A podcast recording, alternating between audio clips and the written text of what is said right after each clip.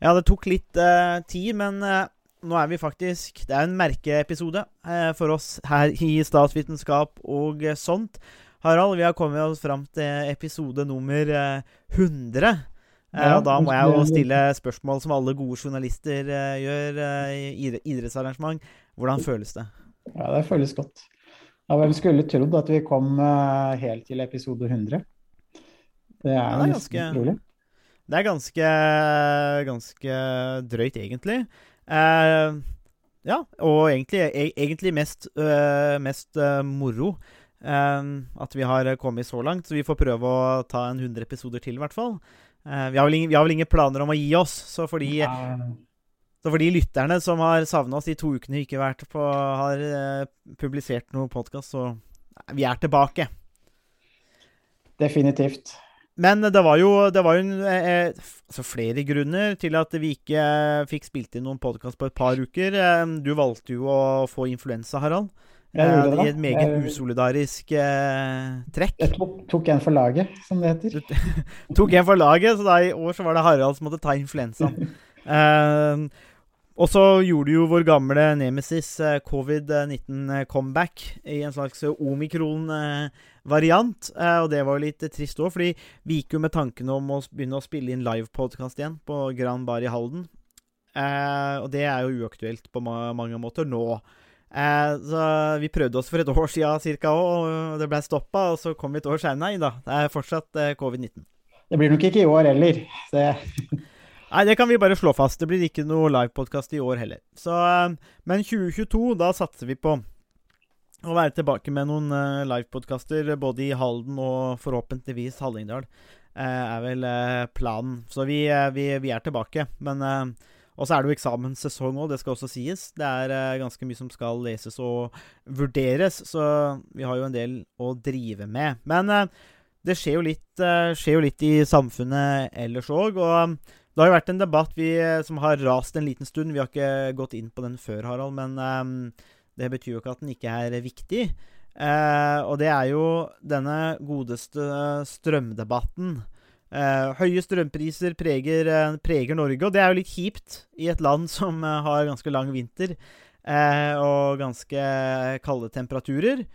Um, så, så merkes jo det ganske godt. Og dette med, dette med strøm er, er, fryktelig vanskelig.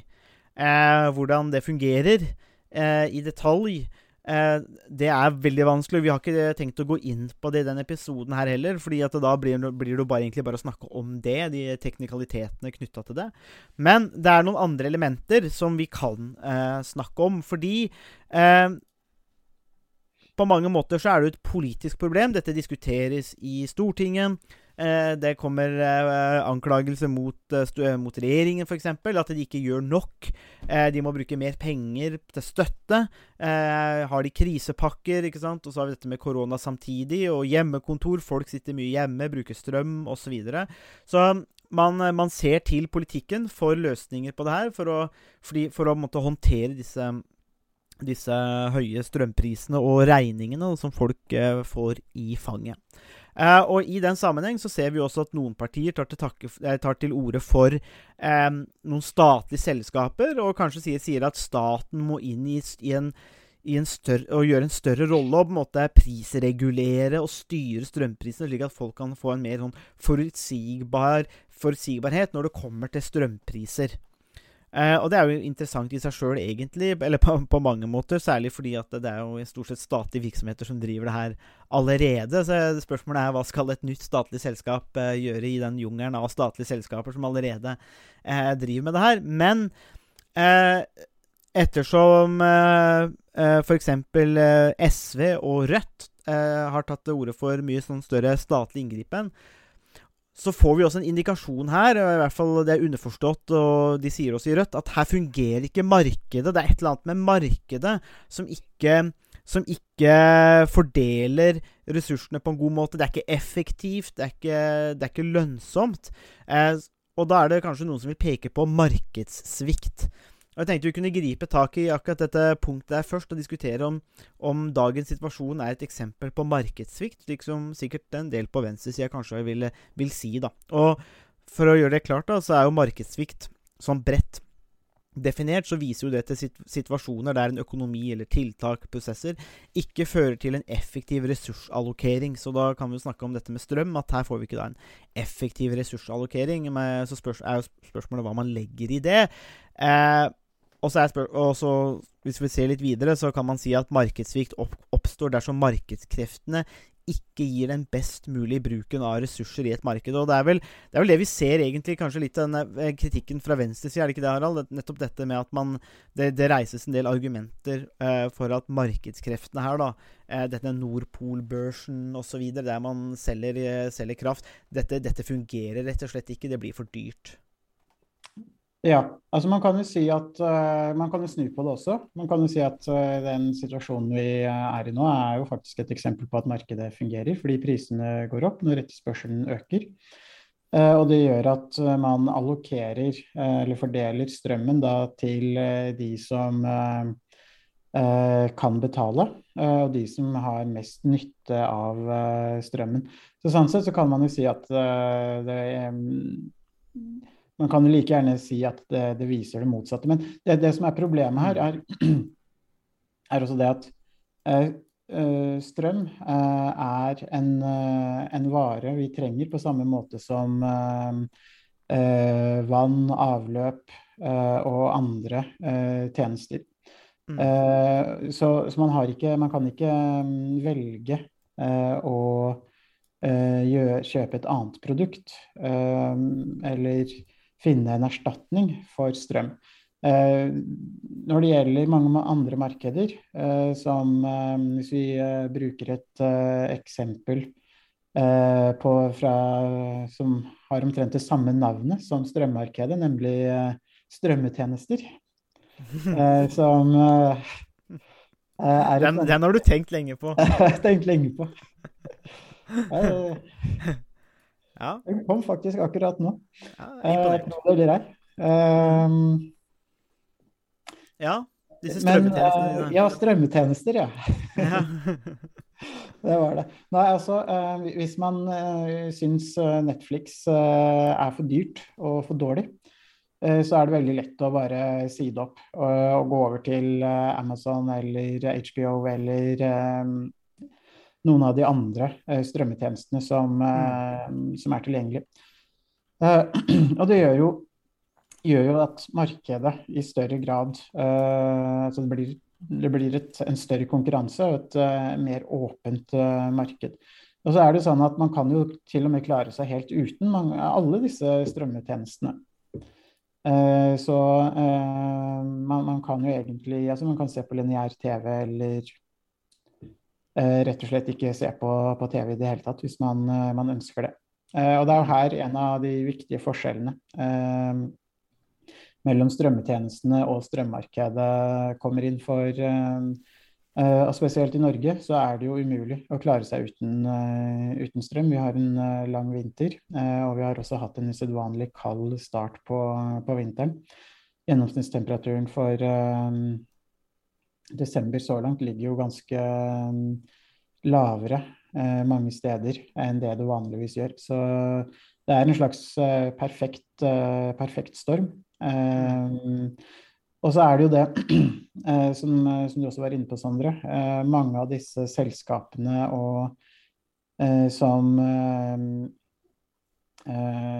fakturerer, eller som er en del av de som på en måte tjener penger på, på strømmen, det er jo stort sett i stor grad uh, offentlige uh, eide selskaper. Statnett, uh, Statkraft.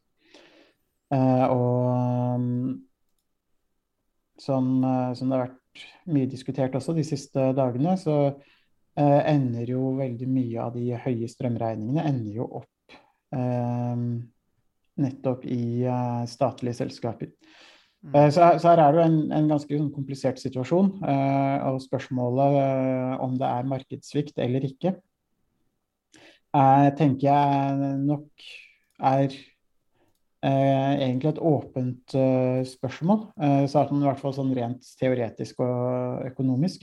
det som har gjort noe av situasjonen ganske komplisert, er jo også det at man fra statlig side Eh, har valgt å, å, konstruere ulike markeder og delt landet opp i ulike strømmarkeder. Så det er jo stort sett i Sør-Norge man snakker om at strømmen er dyr. I Nord-Norge så er jo strømmen fortsatt ganske rimelig.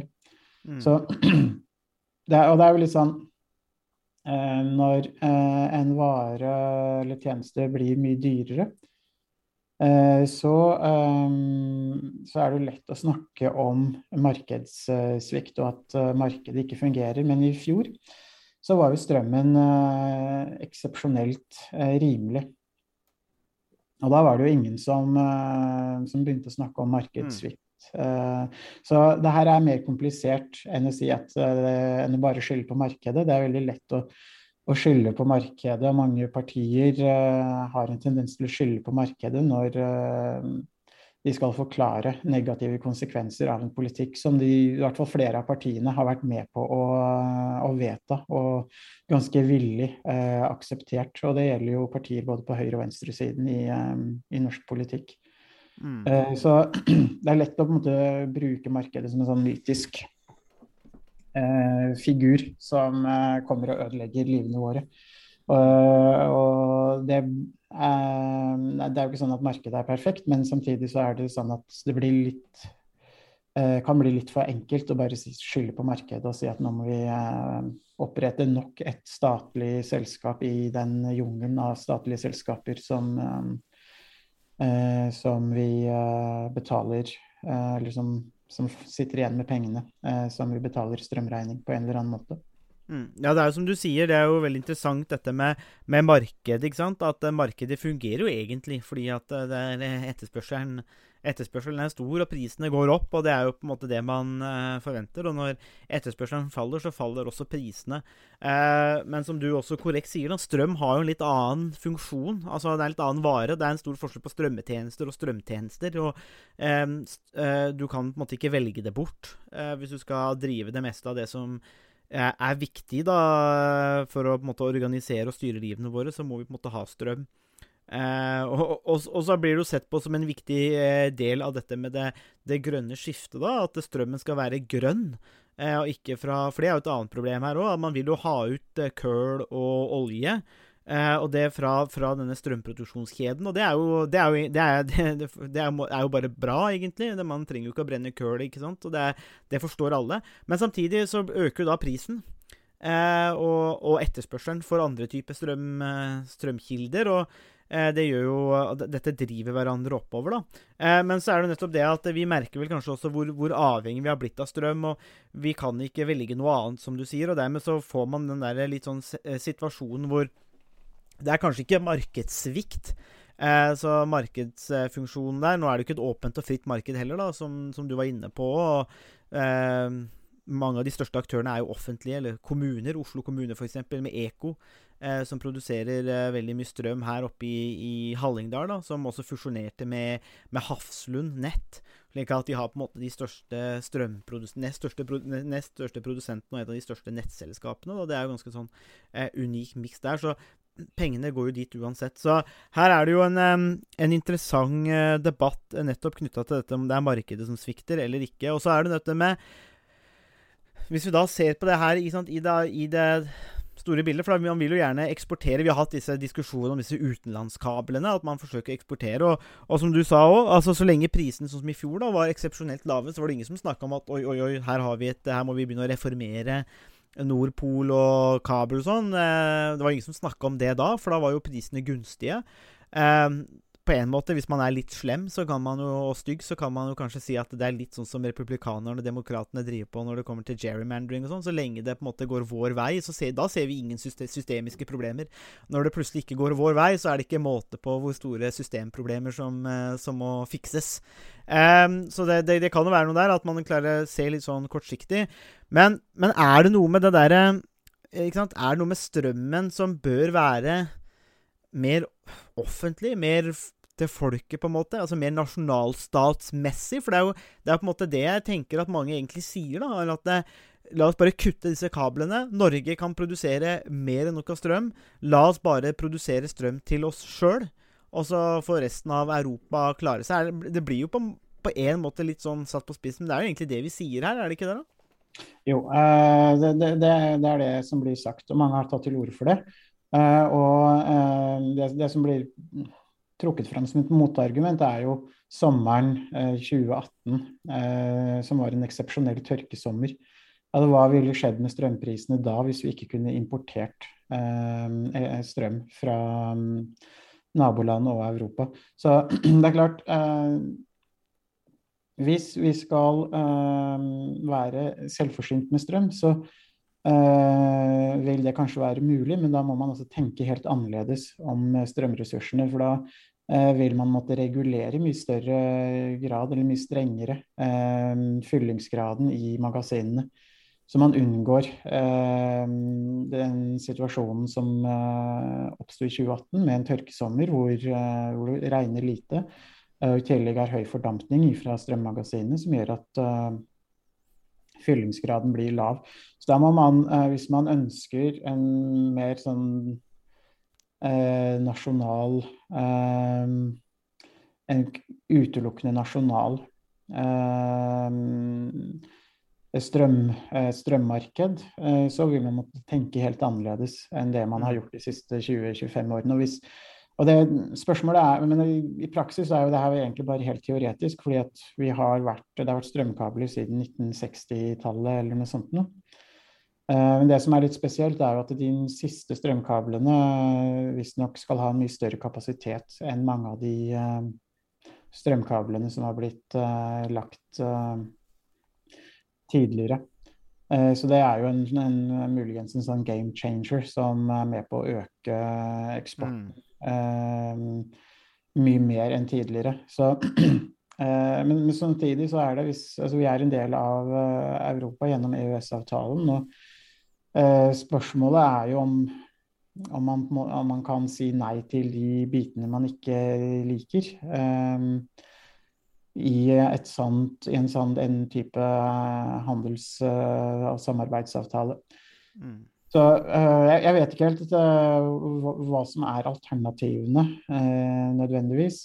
vi har kommet i en situasjon hvor mye strøm går ut, men det er ikke sikkert at det utelukker at man kan sette i verk eller gjøre endringer i strømmarkedet som muligens kan kan dempe kostnadene for mange husholdninger. Og det har vært mange forslag framme nå om uh, at man skal uh, ha en makspris uh, på de første 20 000 kWt man bruker. Så må det vanlige forbruket til en vanlig familie og husholdning da ikke ikke blir veldig dyrt, og at man da heller ilegger avgifter og høyere priser og markedspris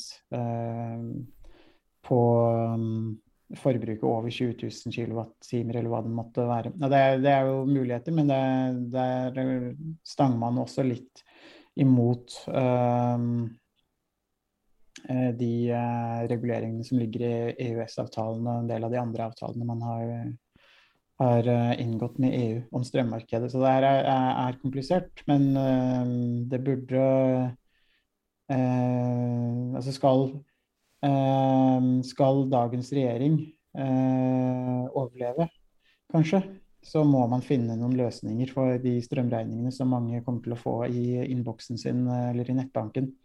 Mm. I løpet av noen dager og uker. De, det er som brødprisen i Egypt i 2011 under den såkalte arabiske våren.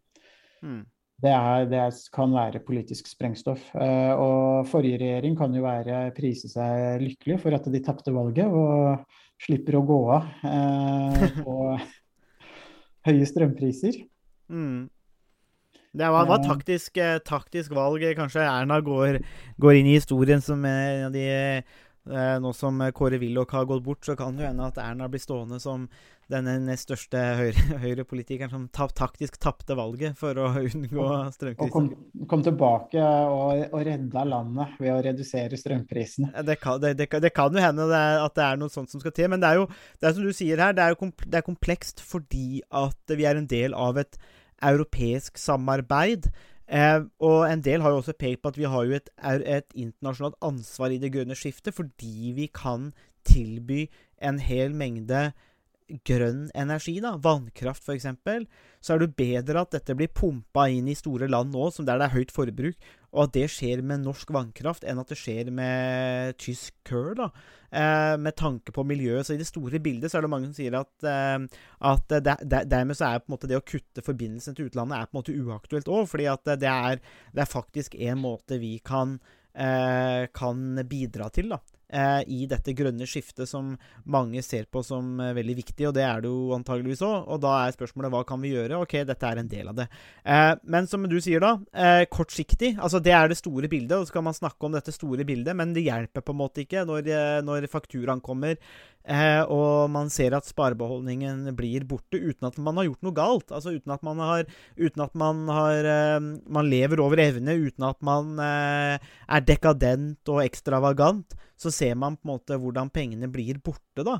Eh, for å rett og slett eh, bare leve vanlige, normale liv. Og det, det, er ganske, det er jo ganske alvorlig. Og da er jo som spørsmålet her om den politikken og det systemet vi har rigga, om det fungerer. Og det eh, og igjen, da, dette her vil jo alle lytterne legge merke til. Det er alltid enklere å dekonstruere og gripe tak i et problem enn det er å komme opp med løsningene.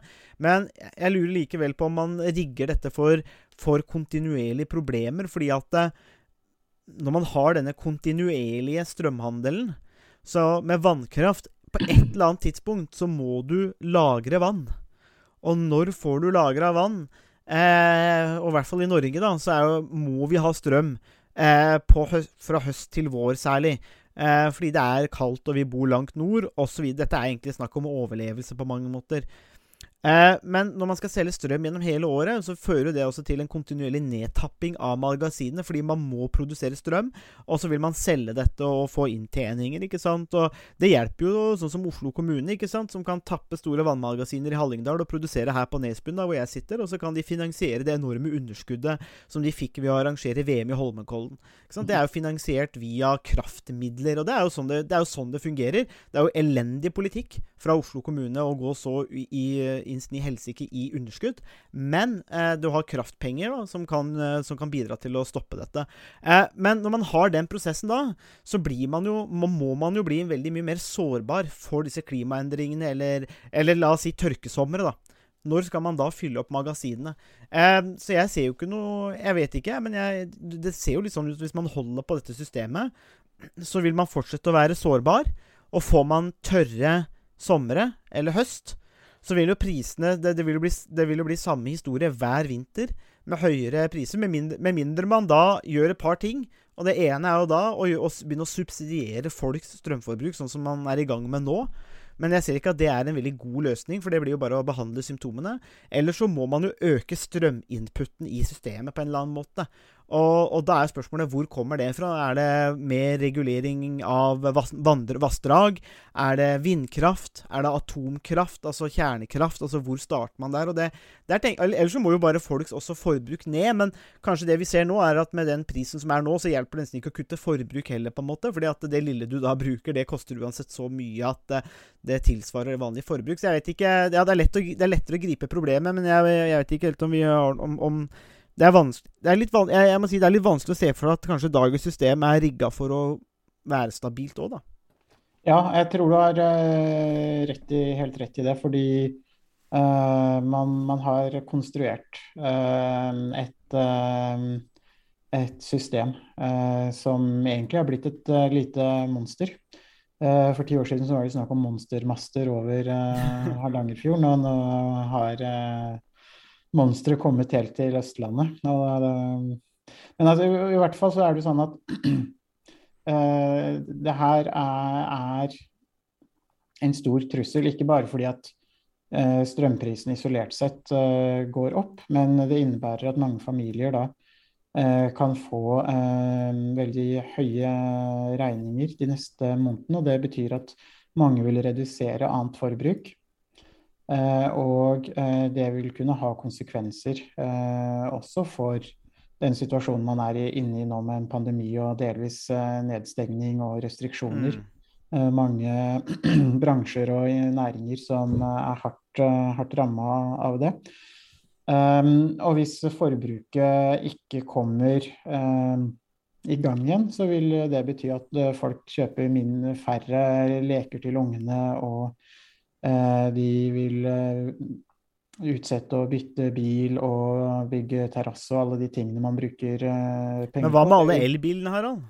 Ja, eh, godt, eh, godt, spørsmål. Eh, og det her er jo så, så, men det som er kanskje konsekvensen av den situasjonen vi er i nå, er jo at det kan være med på å undergrave den, den modellen, økonomiske modellen som Norge er bygd på. Fordi det er jo ikke bare husholdninger som får økt strømregninger, også restauranter og butikker og alle delene av næringslivet vil få veldig høye ekstraregninger. Som, er, som vil innebære at prisene på mange produkter og tjenester vil, vil øke. Hotellregningene vil øke fordi strømregningene øker osv. osv. Um, så det vil faktisk kunne bety ikke bare at folk flest får høye strømregninger, uh, men det vil også bety at folk flest uh, får dyrere ferier, uh, dyrere mm. produkter og tjenester.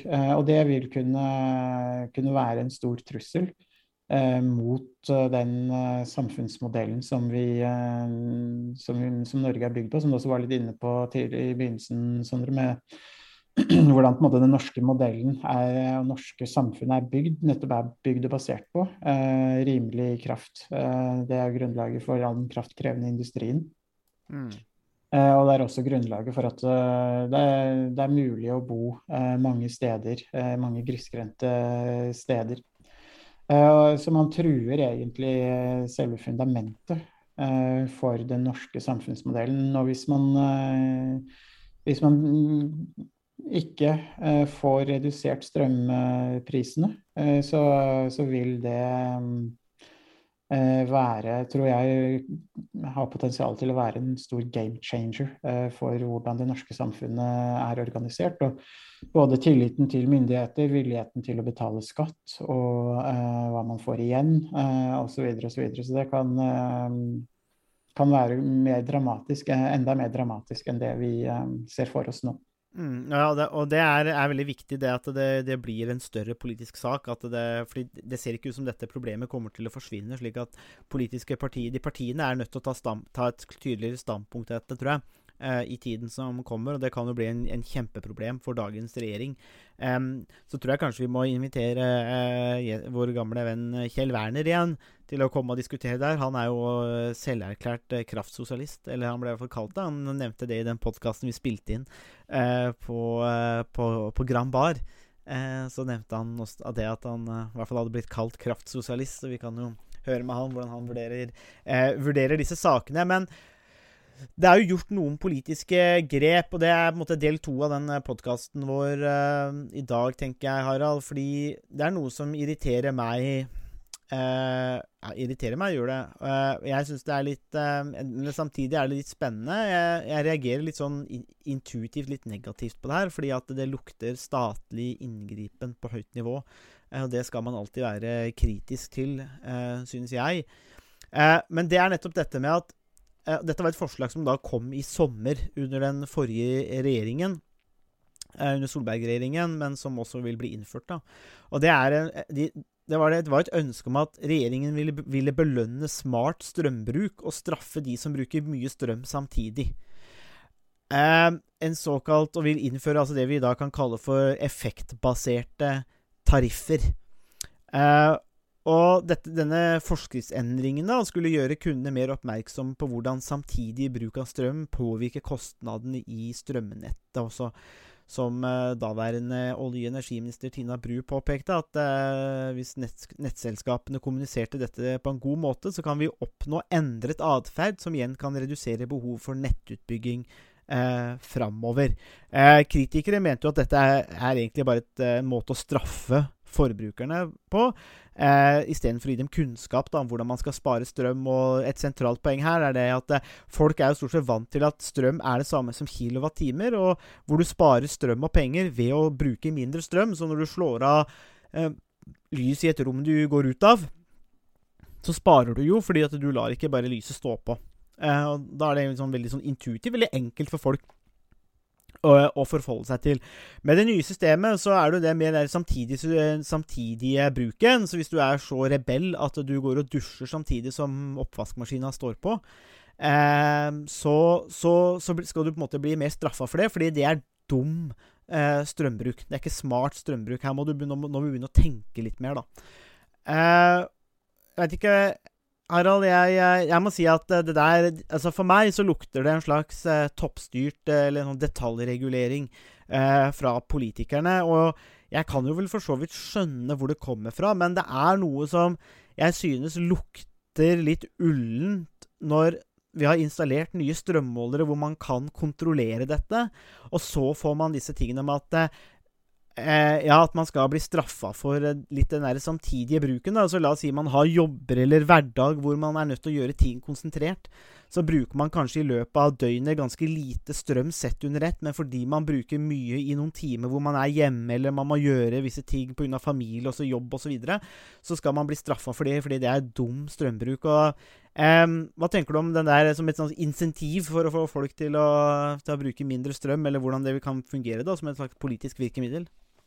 Ja, jeg er helt enig i alt det du har sagt uh, uh, om uh, den såkalte effektbaserte, de effektbaserte strømmålerne. Det, det, her er et forslag som er både illiberalt og det går i retning av nærmest overvåking av borgerne. Det gjør at man forsøker å tvinge borgerne til en bestemt eh, atferd med veldig sterke eh, og inngripende virkemidler. Problemet er at for folk flest så begynner man kanskje på jobb klokka åtte på morgenen. og Det betyr at for de som er småbarn, småbarnsfamilier, de må levere i barnehagen før det. De må dusje og spise frokost i god tid før åtte, så de kan møte på jobb til vanlig arbeidstid. Så det betyr at uh, på morgenen så Ja, du kan jo selvfølgelig Du trenger ikke alltid å dusje hver eneste morgen. Men de fleste dusjer kanskje en gang i løpet av dagen, og um, på et eller annet tidspunkt så, så, må man jo gjøre det. Så det er jo ikke sånn at man kan reise hjem klokka 11 eh, fra jobben eh, og dusje midt på dagen når strømmen er, eh, Det er ikke lunsjpause lenger, det er dusjepause? Ja. Tenk det. Tenk. Uh, og så er det sånn at Når folk er ferdig med å jobbe, så skal de jo hjem. Uh, og da er, av naturlige grunner så er man jo da ofte litt sulten etter en uh, arbeidsdag. og Er det en småbarnsfamilie, så innebærer det at man kanskje skal spise middag før um, man skal ut på aktiviteter etter middag. Og da, altså man må spise altså, man, man, må få unna middagen før man skal ut på aktiviteter, som regel. Eh, så kommer man tilbake, og så er det dusjing, eh, kanskje en eh, vaskemaskin, kveldsmat eh, osv. Så, videre. så det er, ikke, det er, ikke, så veldig mye rom eh, for de aller fleste eh, til å endre atferd. Det er klart, hvis man, er, eh, en, hvis man bor alene, bare har hjemmekontor, så er det mye lettere å tilpasse seg, fordi da kan man dusje klokka 11. Eh, man kan sette på en eh, vaskemaskin klokka 12. Mm. Men for de aller fleste så, så, er ikke det realiteten. Og det betyr at man tvinges inn i et system som er både som, som regulerer atferden vår eh, ganske detaljert. Altså når vi skal dusje, når vi skal lage middag osv. Mm. Når vi skal vaske klær. Og det, det, er som man kan tenke på 1984. Eh, hvor det i ethvert hjem er eh, installert overvåkningsutstyr eh, som kan kontrollere hva borgerne tenker og gjør til enhver tid. Og, ja, nå snakker vi altså om George Orwells. Ja, George Orwells, Orwells sin, eh, sin, roman 1984. Mm. Um, så så det er et rett, nok et uh, skritt i retning av et overvåkningssamfunn som egentlig er, uh, er, litt skremmende. Det gjør at man også kan samle opp den informasjonen om når vi dusjer, når vi lager middag osv. Og, så og det er informasjon som i og for seg ikke nødvendigvis er sensitiv sånn i seg selv, men det er informasjon som tredjeparter kan utnytte, eh, og som, eh, som nærmest krenker privatlivets fred. Ja, Og så er det noe med det at det for det er, det er, noe som jeg reagerer sånn instinktivt på, og som jeg syns er veldig rart. og det, det, her irriterer meg, men Jeg slutter jo aldri å bli skuffa over politikere, men det irriterer meg når f.eks. Tina Bru da står der og sier på vegne av et såkalt konservativt, men til dels liberalt parti, i hvert fall med individets rettigheter, at, at um, at uh, her må vi bare kommunisere dette på en god måte, og så skal folk bli smarte. Men da er det på en måte forhåndsdefinert hva som er smart. Ikke hva som Og da har man på en måte forlatt den tradisjonelle posisjonen til som høyrepartiet egentlig skal ha, hvor, hvor folk vet jo best hva som er best for en selv. Altså når det passer. Det, hvor, når det passer meg å dusje, er jo på mange måter opp til meg, basert på kunnskap om min egen hverdag eh, og familie og alt sånn. Hvordan er det du sjonglerer alt dette? OK, nå, jeg kan gjøre det nå, fordi det har, nå har jeg tid, mens etterpå så må jeg gjøre sånn og sånn og sånn. Eh, men, men her kommer det da inn en slags eh, en utenliggende faktor som, sier, som er pris, og er, det, det er ganske sterkt insentiv. Altså Hvis man må betale fryktelig mye for noe, så korrigerer man atferden. Man kan ikke si noe annet. Men jeg syns det er ganske drøyt egentlig da f.eks. av Tina Bru, men også da av dagens regjering, å fortsette med dette. Og da på en måte implisere at dette er smart. Eh, jeg vil ikke si at det er smart. Det, det, er bare detaljregulert fra staten hvordan vi bør oppføre oss. Og jeg syns det er litt skuffende at man da sier at dette er smart atferd.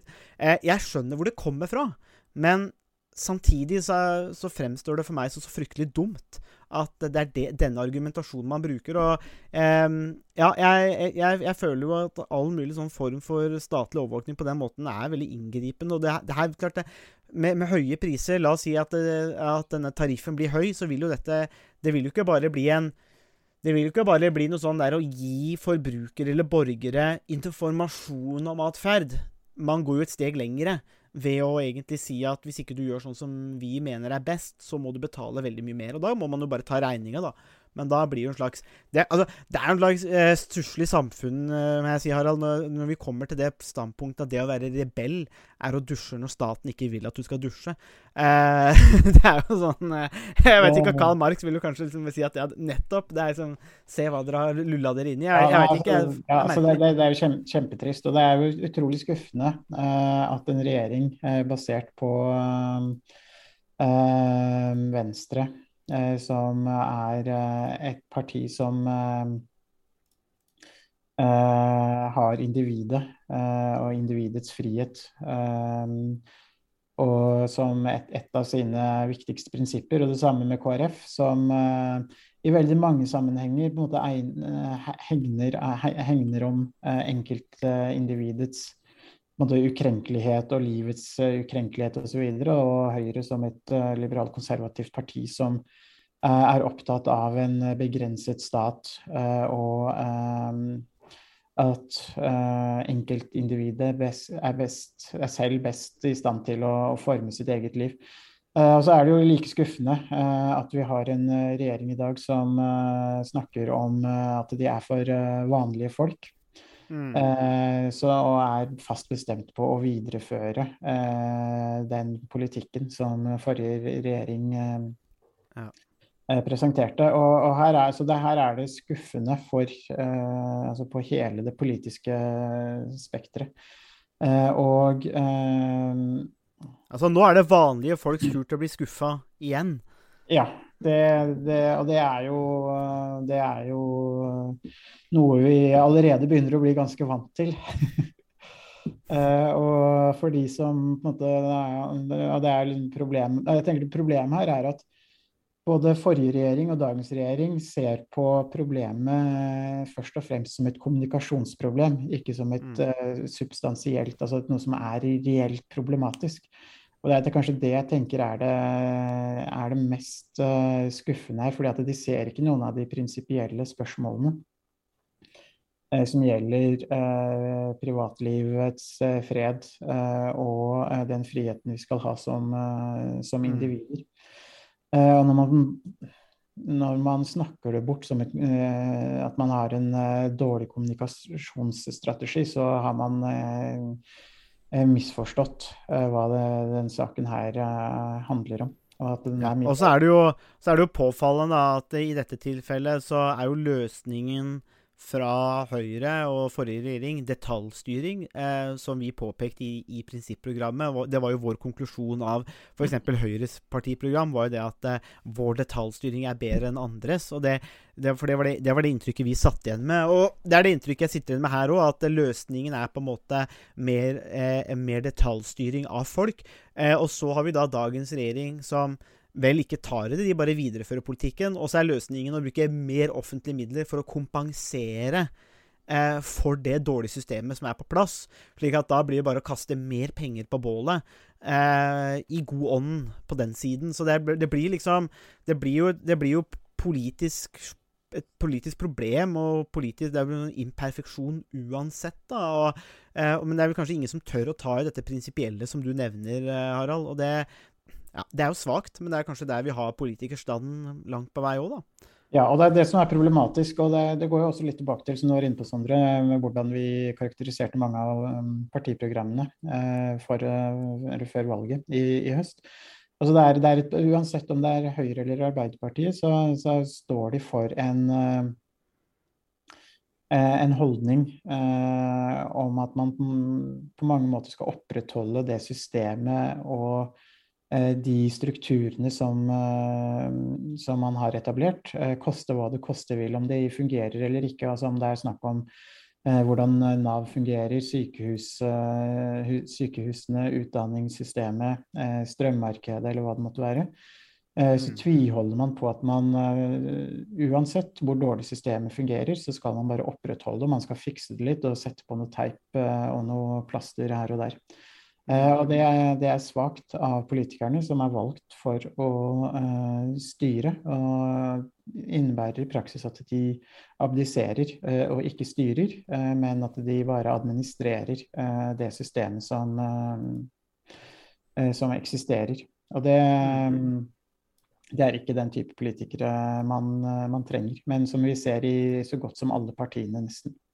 Ja, det er, eh, det er, det ingen tvil om. Og det må si, det er det er egentlig passende eh, for vår episode 100 at vi er i gang med å raljere litt med, med, politikerne igjen. Det er jo på en måte vår, eh, vår, vår favorittaktivitet. Men problemet er at det er så fryktelig mye å ta av. Eh, så for Sjøl for bare én episode. Men det er uansett ingen tvil om da, at denne strømsaken den, den rommer mer enn bare utenlandskabler. Altså Her er det, her er det snakk om et, en mye større samfunns eh, ting som går inn på samfunnsnivå, og som kommer til å endre folks liv, eh, som vi kanskje ikke legger så mye merke til, men som Det, det, er, det er, kroner og øre, men, men, som også går på privatlivets fred. Eh, og, eh, og, innsyn og kont kontroll på disse måtene som jeg, som jeg syns vi skal være vare på. Vi kommer i hvert fall til å følge det her i podkasten, fordi vi er jo litt eh, vi er litt opptatt av akkurat disse tingene. Jeg tenker jo til, helt til slutt eh, i dagens episode Vi er jo nærmest en, en fotballomgang igjen. Så dette er jo nesten som å se eh, favorittlag i, i, i, fotball. Det går, li, går, går, like fort, tenker jeg. Men eh, ja, Arsenal, mener du? Er det det? Ja, det, var, det, det må vi redigere bort. Eh, det var eh, vi, har, vi, har, litt sensur i podkasten nå. Eh, det er kun Liverpool som gjelder, hvis det var noen som lurte. Men eh, jeg tenkte helt til slutt å bare lese et lite innlegg som jeg syns oppsummerte det bra. litt annet bilde på denne strømsituasjonen. Så da tar jeg meg den frihet å lese et innlegg som, eh, som en eh, felles hallingdøl, Arne Moslåtten, skrev på, på, Facebook. Han er jo da den kjente låtskriveren i bandet Hellbillies. Eh, men han eh, skrev uansett et lite innlegg som jeg syns eh, ga et godt bilde på denne strømsituasjonen og, og, litt hvor spesielt det er. Så jeg tenkte vi kunne jo avslutte episoden med det. For han skriver at han har hørt at det skal innføres ny prising på egg. Um, for det første skal det monteres et webkamera ved alle komfyrer, slik at myndighetene kan se når du bruker egg. Når du kjøper egg i butikken, må du skrive ut en liten lapp fra datamaskinen som styrer webkamera. Hvis det er slik at du bruker egg f.eks. til frokost når det er mest vanlig, så koster eggene vesentlig mer. Bruker du egg på mer uvanlige tider, f.eks. Midt, midt om natta, så er eggene vesentlig billigere. Det er også slik at du betaler et eggebyr i tillegg til den prisen du betaler i butikken. Norge har inngått et eggforbund med Sverige som skal gi oss sikker tilførsel av egg. Er det lite egg i Sverige, eksporterer vi egg over grensa. Hvis vi har lite egg, importerer vi egg fra Sverige. Størrelsen på eggebyret blir derfor avhengig av tilgangen på egg i Sverige så vel som i Norge. I tillegg vil myndighetene innkassere moms på eggebyret. Størrelsen på eggebyret styres også av når du bruker egg. Til forskjell fra utskriften du bruker for å kjøpe egg, vil nå, vil nå størrelsen på gebyret variere alt etter hvilken time på døgnet du bruker egg. Hvis hønene i Sverige verper mindre, så blir gebyret på egg høyere i Sverige. Vi kan da eksportere egg til Sverige, men eggebyret vil likevel stige noe i Norge også. Flere mener at dette nye systemet for prising av egg virker unødvendig tungvint, men myndighetene sier at det er, dette er en liten ulempe. Systemet sikrer oss sikker tilførsel av egg, som er av stor viktighet for Norge. I tillegg vil systemet bety mye for den norske felleskassen. Der tenker jeg vi har en god oppsummering av eh, hvert fall et annet bilde på, på dagens eh, eh, situasjon. Så da kan man jo tenke på det. Kanskje det neste er eh, detaljregulering av når man spiser eh, matvarer òg. Så er det jo bare opp til Tina Bru og andre politikere å kommunisere på en god måte hvordan vi skal spise egg, og når vi skal dusje, så går det sikkert alt dette her kjempebra.